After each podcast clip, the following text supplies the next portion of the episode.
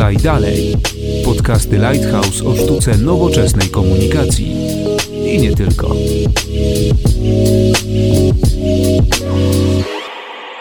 Dzień dobry, Konrad Domański. Zapraszam na jedenasty odcinek podcastu Lighthouse Podaj Dalej, w którym porozmawiamy o tym, na co zwracać uwagę w 2020 roku, by nie narobić sobie kłopotów. O największych wyzwaniach dla reputacji w perspektywie kilkunastu najbliższych miesięcy opowiedzą Wam eksperci Lighthouse Magda Zwolińska. Dzień dobry. I Przemysław Mitraszewski. Dzień dobry. Nie odpowiemy dzisiaj, co prawda, na wszystkie pytania, nie przedstawimy wszelkich możliwych prognoz, bo o tym będziecie mogli więcej usłyszeć na Kongresie Komunikacji Kryzysowej, który odbędzie się już 10 grudnia w Warszawie. Tam też będzie okazja podyskutować o raporcie na temat kryzysowych trendów i tego, co będzie nam potencjalnie spędzać sen z powiek w 2020 roku. Do tego raportu w pierwszej kolejności dostęp otrzymają uczestnicy wspomnianej konferencji. Temat bieżący, bo kryzysy dzieją się wokół nas non-stop, nawet jak o nich nie słyszymy. Wczoraj na portalu telepolis.pl ukazał się ciekawy news. Google i Facebook są zagrożeniem dla praw człowieka, uważa Amnesty International. I od niego myślę możemy zacząć tak naprawdę nasz podcast, od tego artykułu. Ponieważ okazuje się, że coś, co jeszcze do niedawna mogło nam się wydawać jakąś wręcz zdobyczą cywilizacyjną, czyli coś, co zmieniło całkowicie sposób, w jaki się komunikujemy, w jaki sobie nawzajem pomagamy, w jaki kształtujemy nasze opinie czy postawy, nagle okazuje się jednocześnie jakimś totalnym zagrożeniem dla naszych podstawowych praw. Autorzy tego raportu, czyli Amnesty International, wręcz y, wskazują na to, że te firmy wybrały konkretny model biznesowy, który polega na inwigilacji i który wpływa na wolność przekonań, na prywatność i na inne prawa człowieka. I ta technologia, która stoi za internetem, sama ta technologia nie jest niezgodna z naszymi prawami, ale niezgodny jest ten model biznesowy, który przyjęły właśnie te dwie firmy wskazywane w raporcie jako to zagrożenie. I słuchajcie, no niedaleko, jakby obok tego newsa, no kilka, kilka linijek dalej w, we wczorajszych serwisach informacyjnych ukazała się też informacja na przykład o tym, że tygodnik podhalański stał się ofiarą pogróżek właśnie właśnie internetowych i wylała się na tygodnik podhalański fala hejtu za to, że jako pierwszy rozpoczął dyskusję na temat tego, czy to jest zasadne, żeby Sylwester organizowany przez telewizję publiczną w tym roku odbył się pod Wielką Krokwią. W związku z tym dowody na tego typu stwierdzenia, które, o których mówi Amnesty International, są właściwie wyraźnie widoczne dla nas każdego dnia. Więc pytanie, co się stało i czy jest w ogóle jakiś złoty środek między tą naszą zdobyczą cywilizacyjną, która tak bardzo zmieniła to, w jaki sposób się komunikujemy, a właśnie tą naszą prywatnością. Czy to jest tak, że musimy teraz tak naprawdę całkowicie zrezygnować z używania mediów społecznościowych, żeby tę prywatność zachować? Wydaje mi się, że zapomnieliśmy, że każdy kij ma dwa końce. Że rzeczywiście to jest tak, że jednocześnie to jest jakaś zdobycz i narzędzie, dzięki któremu możemy rzeczywiście, jednostka może po prostu wyrazić swój głos i on zostanie zauważony, dostrzeżony i dotrze nawet do największych decydentów czy firm. No z drugiej strony jest ta obawa, że czy rzeczywiście to jest tak, że on potrafi też obrócić się przeciwko nam i właśnie, że jesteśmy na przykład inwigilowani. Ja myślę, że nikt do końca sobie nie zdaje sprawy, jaki jest poziom tejże inwigilacji, tak naprawdę czego ona dotyczy. To myślę, że to ciągle jest jakiś taki temat, e, taki trochę jak Yeti. No, niby istnieje, ale nikt go jeszcze nie widział, nie, nie doświadczył i faktycznie myślę, że będzie to jakiś przedmiotem pogłębionej dyskusji albo nawet regulacji w tym zakresie. Ale powiedziałeś Magda, czy, czy to jest tak, że musimy z tego zrezygnować? Ja nie wierzę, że zrezygnujemy, że siła mediów społecznościowych jest no, jednak tak potężna i tak użyteczna, że nikt nie będzie chciał e, z tego zrezygnować. Pytanie, czy jesteśmy w stanie to jakoś kontrolować w sposób społeczny albo regulować? Z jednej strony daliśmy się zapędzić w kozi róg troszeczkę w, uży w używaniu tych technologii bezmyślnym, w akceptowaniu tych wszystkich procedur prywatności, ustawień prywatności i tak dalej, a z drugiej strony przecież cały czas musimy uważać na to, żeby dziecka z kąpielą nie wylać bo przecież te media społecznościowe to jest niewątpliwie pewnego rodzaju zdobycz technologiczna. Jeszcze nigdy wcześniej w historii cywilizacji całej nie zdarzyło się, żeby jednostka miała taki wpływ na wielkie koncerny, jedna osoba, tak? Więc pytanie, gdzie jest ten złoty środek i czy my jesteśmy w stanie jakkolwiek się na to przygotować? Jak biznes się powinien w tym wszystkim zachowywać? Biznes ciągle jakoś chyba, jakby po pierwsze czuje siłę rażenia tych mediów społecznościowych, to na pewno, ale z drugiej strony z moich obserwacji wynika, że nie zawsze wie, jak w tej sytuacji się odnaleźć. Są przecież firmy, które do dzisiaj nie mają, nie korzystają z kanałów społecznościowych w żaden mhm. sposób, bo uważają, że no, będzie więcej szkody niż pożytku, jak zaczną taki dialog przez media społecznościowe prowadzić. I mają, można powiedzieć, dość tradycyjne kanały komunikacji.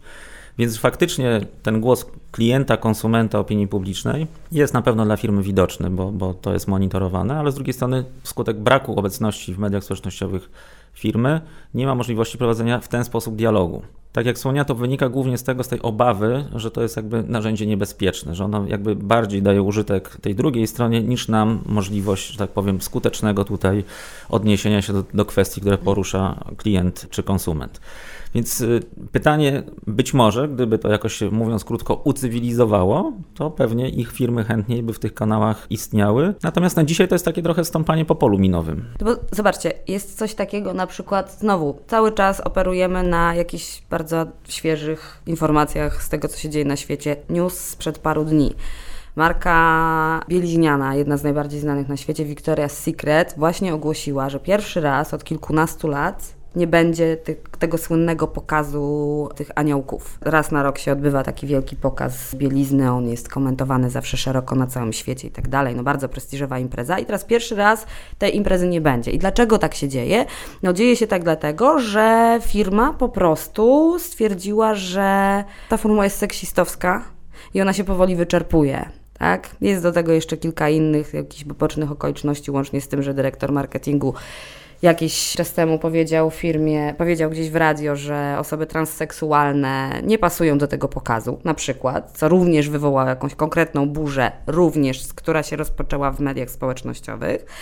I tego typu suma drobnych zdarzeń powoduje, że nie odbywa się tego typu impreza. I to jest ewidentnie dowód na to, jak działają konsumenci za pomocą tych mediów społecznościowych. W związku z tym zastanawiam się osobiście, ile jeszcze musi opłynąć wody w Wiśle, żeby biznes zrozumiał, że no to, to jest trochę tak, że jak pozbywa się obecności w tych mediach społecznościowych dzisiaj, no to tak jakby sobie sam trochę obcinał rękę. To dość śmiała teza, natomiast y, myślę sobie, że ten przykład, który podałaś, jest jeszcze mówi o czymś bardzo istotnym, bo Oczywiście to są wydarzenia, jakieś takie bym powiedział, zdarzenia pojedyncze, które dzisiaj są, przebrzmiewają, za, za tydzień nikt o tym już nie będzie pamiętał, ale one pokazują bardzo jedną ważną rzecz. Rzeczywiście taka wrażliwość społeczna rośnie i mhm. to jest to wyzwanie dla, dla firm, z którym się będą musiały mierzyć, bo czy są w mediach społecznościowych, czy nie są, to są to oczywiście indywidualne decyzje firm, organizacji, ale to jest narzędzie. A jeśli popatrzeć jakby od strony takiej, bym powiedział, trendów i, i, tematów, wokół których będą skupiały te kryzysy, no to to jest właśnie jeden z tych, o których ty, ty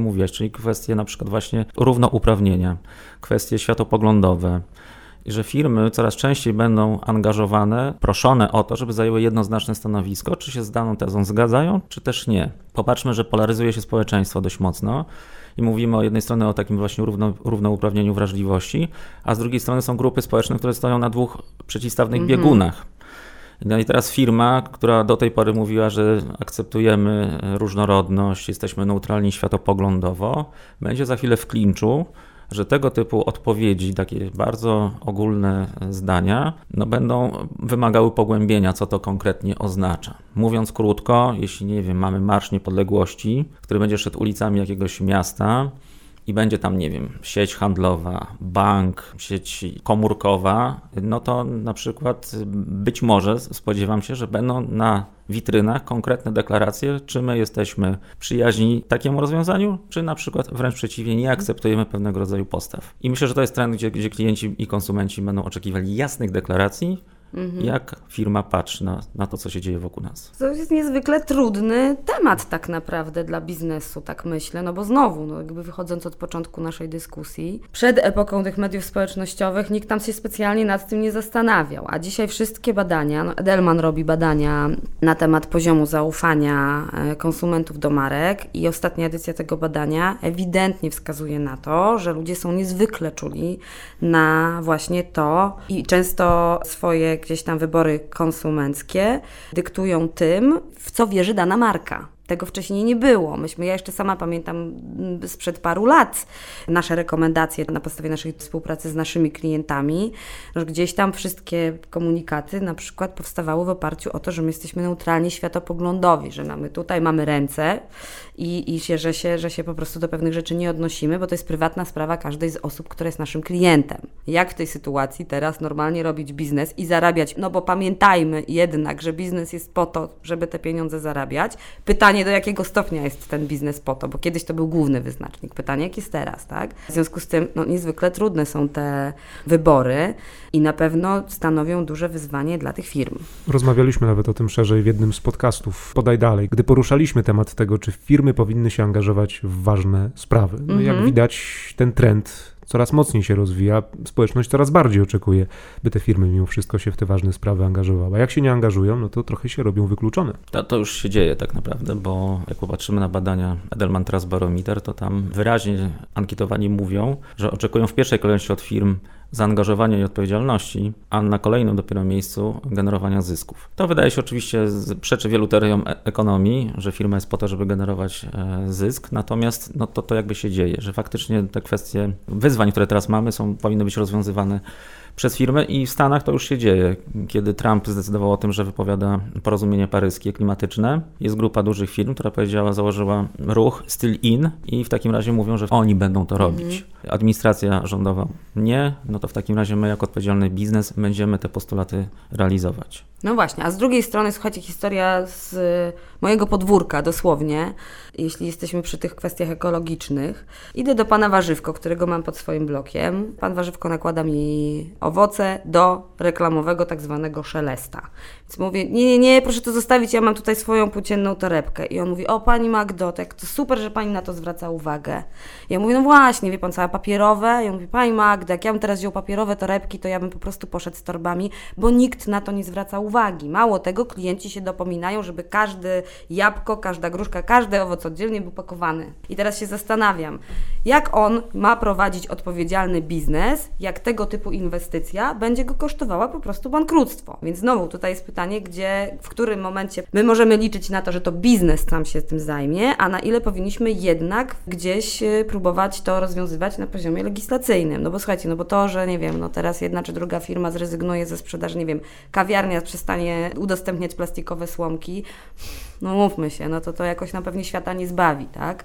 Ale już jakaś dyrektywa Unii, która mówi, że do tego i tego roku ma być, w ogóle nie ma być plastikowych słomek, już bardziej. Więc mówię, to znowu pytanie, jak to, nie mówię, niezwykle trudne dla biznesu, no bo jedna rzecz to jest kwestia wizerunku, ale druga kwestia to jest oczywiście właśnie wypośrodkowania tego z perspektywy biznesowej. No i jak ma sobie z tym mały biznes poradzić? No właśnie, no to już właśnie mały biznes, no to to jest już całkowicie pewnie oddzielny temat, tak? Bo tam pewnie to będzie najbardziej odczuwalne. Ja myślę, że to gdzieś po środku, no, te słomki to oczywiście jest symbol.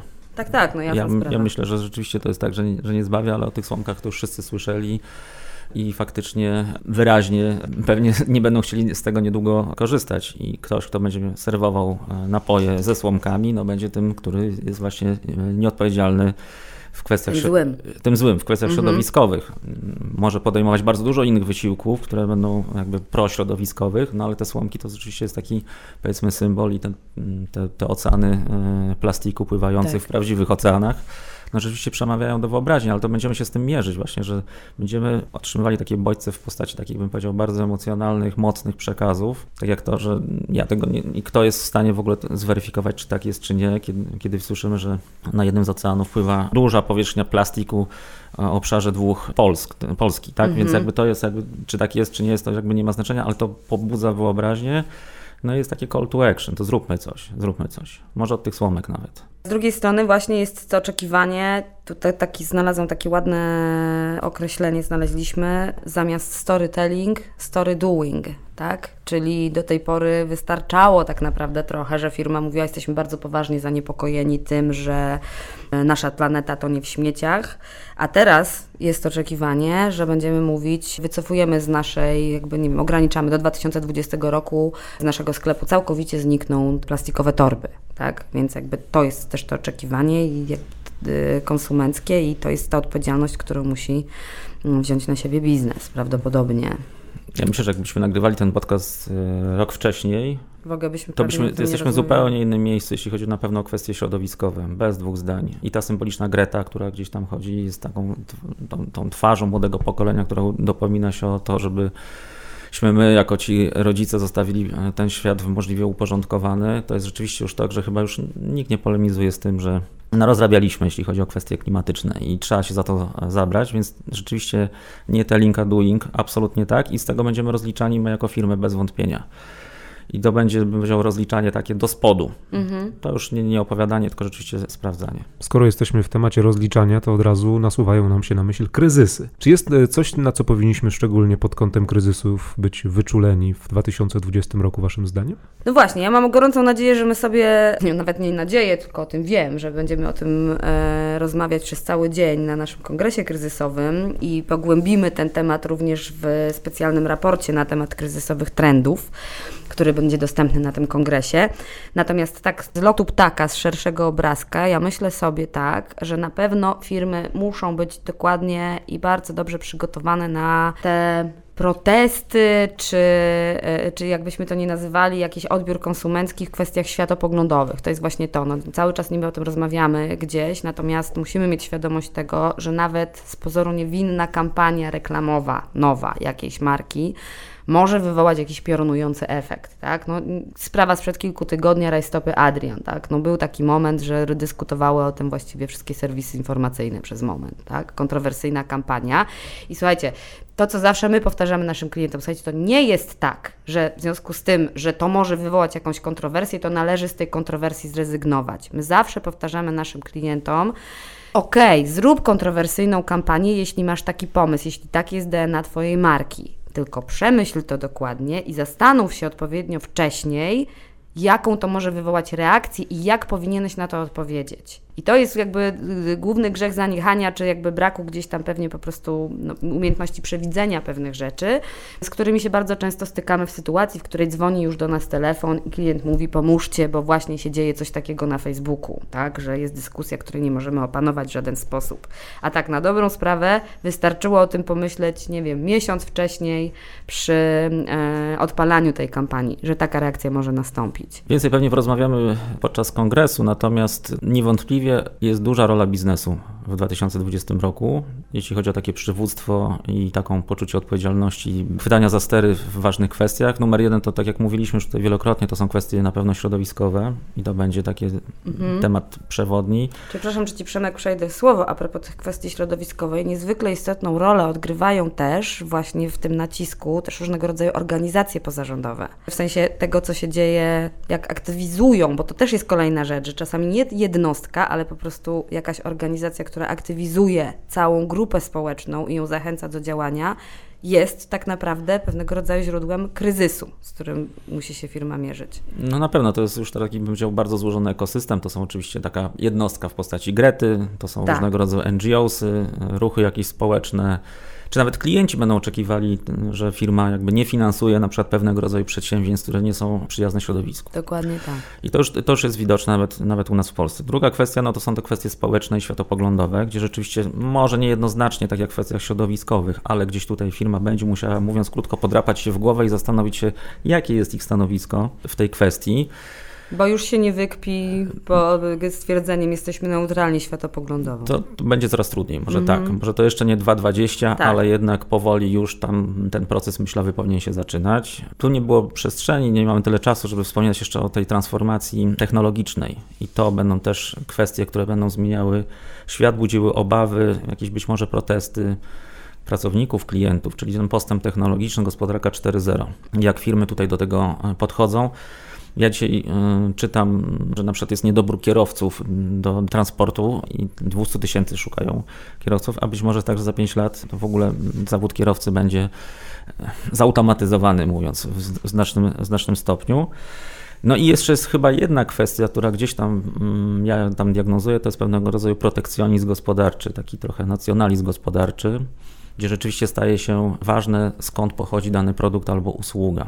Czy my będziemy patriotami gospodarczymi e, i wybierali własne produkty, to, to czas pokaże, ale to już widać, że no właśnie na przykład polityka Trumpa wyraźnie pokazuje kupujmy amerykańskie i nawet sam fakt, że wprowadza cła na, czy embargo na, na, na produkty z innych krajów, to jest naj, naj, najlepszy tego przykład. I tutaj też myślę, że globalne firmy będą się musiały zmierzyć z wyzwaniem takiej, bym powiedział, trochę nacjonalizacji gospodarczej. No, takie też pewnie jest oczekiwanie dużej, du, dużych części społeczeństw tak, poszczególnych krajów. Kupujmy swoje. Też, no to właśnie, to też jakby no nie tylko u nas czy w Stanach, tak? Tylko jest ten trend faktycznie. Ja bym do tego jeszcze dodała, wspomniałeś o tej e, digitalizacji, automatyzacji, o tych wszystkich zjawiskach związanych właśnie z rozwojem technologicznym. Ogromnym, myślę, wyzwaniem, to nie jest właściwie nic nowego, ale myślę, że ono się będzie pogłębiać w 2020 roku, są wszystkie kwestie związane z cyberbezpieczeństwem. Bo jak się okaże, że, no nie wiem, taki przykład znowu pierwszy z brzegu, w 2017 roku był bardzo duży atak na, na, na kilkadziesiąt firm na świecie.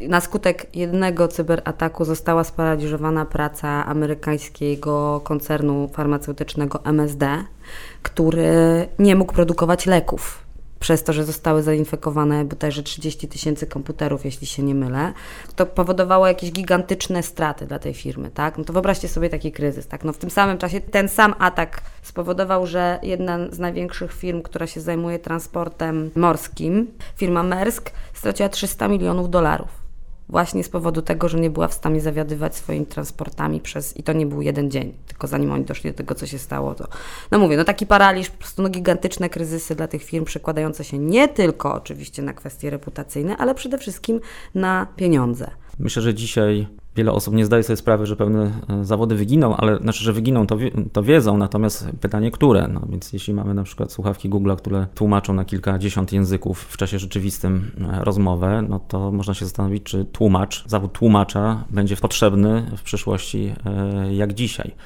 czy też nawet kwestia nauki języka, bo się okaże, że możemy to robić za pomocą technologii wiele kwestii otwartych i takich niedopowiedzianych i budzących wątpliwości, no to jest wykorzystanie sztucznej inteligencji. No dzisiaj zakładamy, że ona będzie wspomagały, wspomagała nasze takie czynności proste, ale czy rzeczywiście ten rozwój sztucznej inteligencji nie zaprowadzi nas do jakichś, bym powiedział, większych problemów, że ona będzie próbowała, ta sztuczna inteligencja, ucząc się przejmować kontrolę nad pewnymi procesami, no to też jest pytanie otwarte, co prawda nie na 2020, ale jednak. Więc ten postęp technologiczny będzie niewątpliwie dużym wyzwaniem. To ja jeszcze zawężając troszeczkę te zagadnienia i te wyzwania do samego biznesu trochę bardziej. No, Edelman Trust Barometer ewidentnie pokazuje i to jest tendencja rok do roku, która się powtarza i potwierdza, że grupą, która, która cieszy się ogromnym zaufaniem społecznym są pracodawcy. Ufamy po prostu naszym pracodawcom. I jeśli tak jest, to niezmiernie ważny jest nasz wizerunek zewnętrzny również w tym zakresie. I to, co my widzimy po naszych klientach, to fakt, że coraz więcej firm inwestuje i świadomie prowadzi te komunikacje z pracownikami, dialog właściwie, nie komunikację z pracownikami, ale to też jest ogromne wyzwanie. Na coraz większym znaczeniu mm, zyskują i też widzimy to z perspektywy po prostu praktyki serwisy, które pracodawców oceniają. Tam się dzieją coraz bardziej intensywne dyskusje i to one właśnie też mają wpływ na to, jaki jest ten wizerunek i w jakim stopniu tak naprawdę tym firmom ufamy. I myślę, że to również będzie gdzieś w tym 2020 roku spore wyzwanie dla tych firm, żeby faktycznie tak prowadzić te relacje z pracownikami, żeby, żeby one po prostu na ten wizerunek nie rezonowały negatywnie. Więcej o kryzysach i prognozach na 2020 rok na kongresie podczas Kongresu Komunikacji Kryzysowej, który przypominamy już 10 grudnia odbędzie się w Warszawie. Dzisiaj naszymi gośćmi byli eksperci Lighthouse, Magda Zwolińska. Dziękuję pięknie. I Przemysław Mitraszewski. Dziękuję. Dzięki którym o niejednym kryzysie po prostu się nie dowiedzieliśmy, a wiele z nich udało się skutecznie zażegnać i też Magda oraz Przemek podczas Kongresu Komunikacji Kryzysowej będą więcej opowiadać o tych zagadnieniach, które mogliście usłyszeć dzisiaj w podcaście Lighthouse. Podaj dalej. Konrad Domański, do usłyszenia. Spodobał Ci się nasz podcast? Podaj dalej i śledź naszą stronę oraz kanały społecznościowe.